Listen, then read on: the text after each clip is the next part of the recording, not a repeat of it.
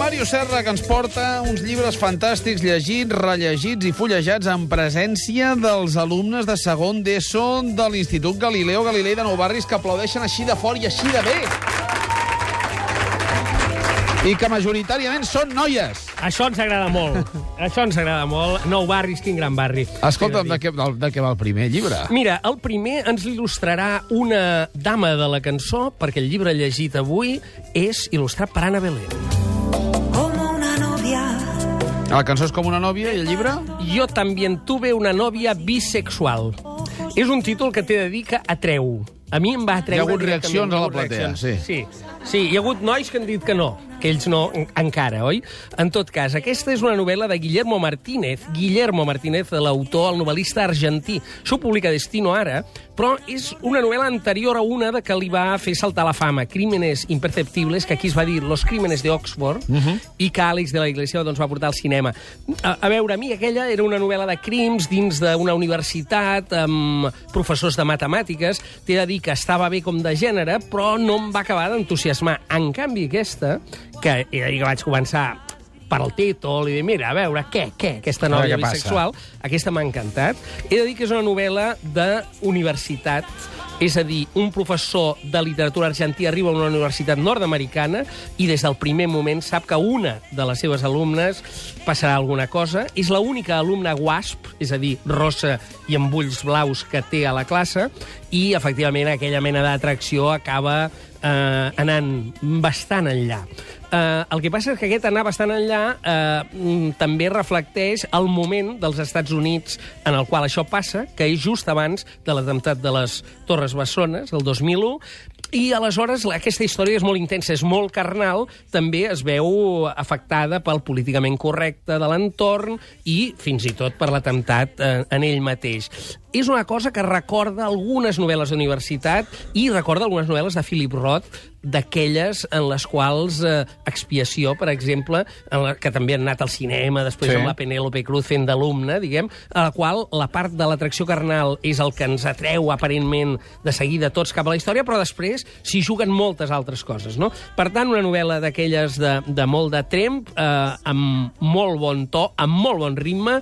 Jo també en tuve una nòvia bisexual, Guillermo Martínez, i això ho trobareu a Destino. Quatre L's, mots clau? Passió, eh, per dir-ho eufemísticament, és a dir, sexe directament, universitat, o Estats Units, correcció política 11S, i com et deia un referent, doncs aquesta expiació de Philip Roth. Pau Riba ens il·lustra el rellegit d'avui. Sí, senyor, aquest rap que sona del Pau Riba és rap hiperxiològic, això és amb lletra del filòsof francès Pujols.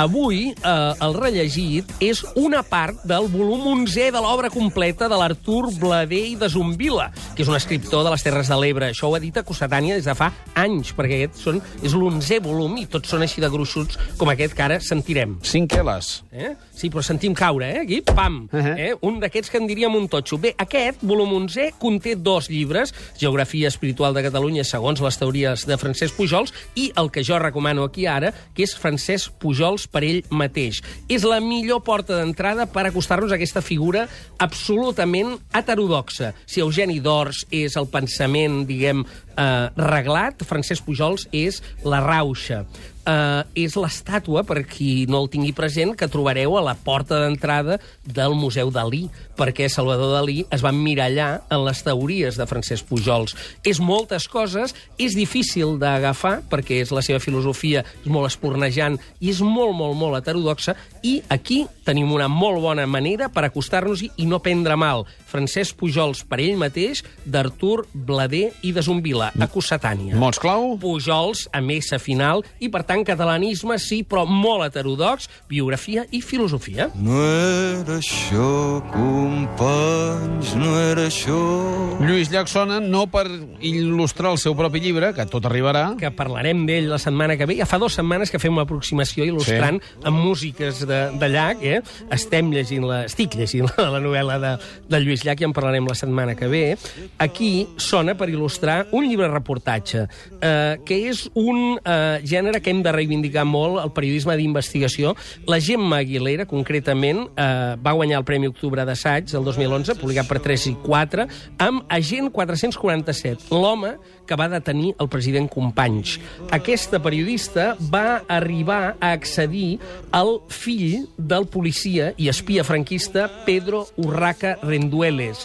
Va accedir a la seva biblioteca i a la seva documentació i aquí ens ofereix, diguem, eh, amb les fonts de primera mà, el relat del de responsable de la repressió exterior contra republicans i comunistes durant el franquisme i contra atarres durant la democràcia, perquè Pedro Urraca va tenir una línia de continuïtat molt llarga d'aquest espia i policia franquista Pedro Urraca Rendueles, que va ser el responsable de detenir i interrogar el president Companys i que va quedar tan impressionat per la seva figura que li va fer una fotografia del president eh, mentre el portava, diguem, de retorn eh, i se la va guardar, la va mantenir sempre guardada dins d'un llibre que parlava sobre companys i el seu fill algun dia li deia però, però qui és aquest home? I mai no acabaven de treure'n en clar.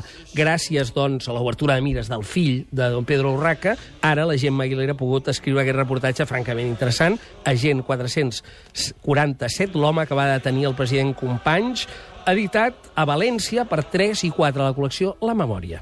Màrius, moltíssimes gràcies. A reveure. La setmana que ve parlem de llac. Sí, senyor.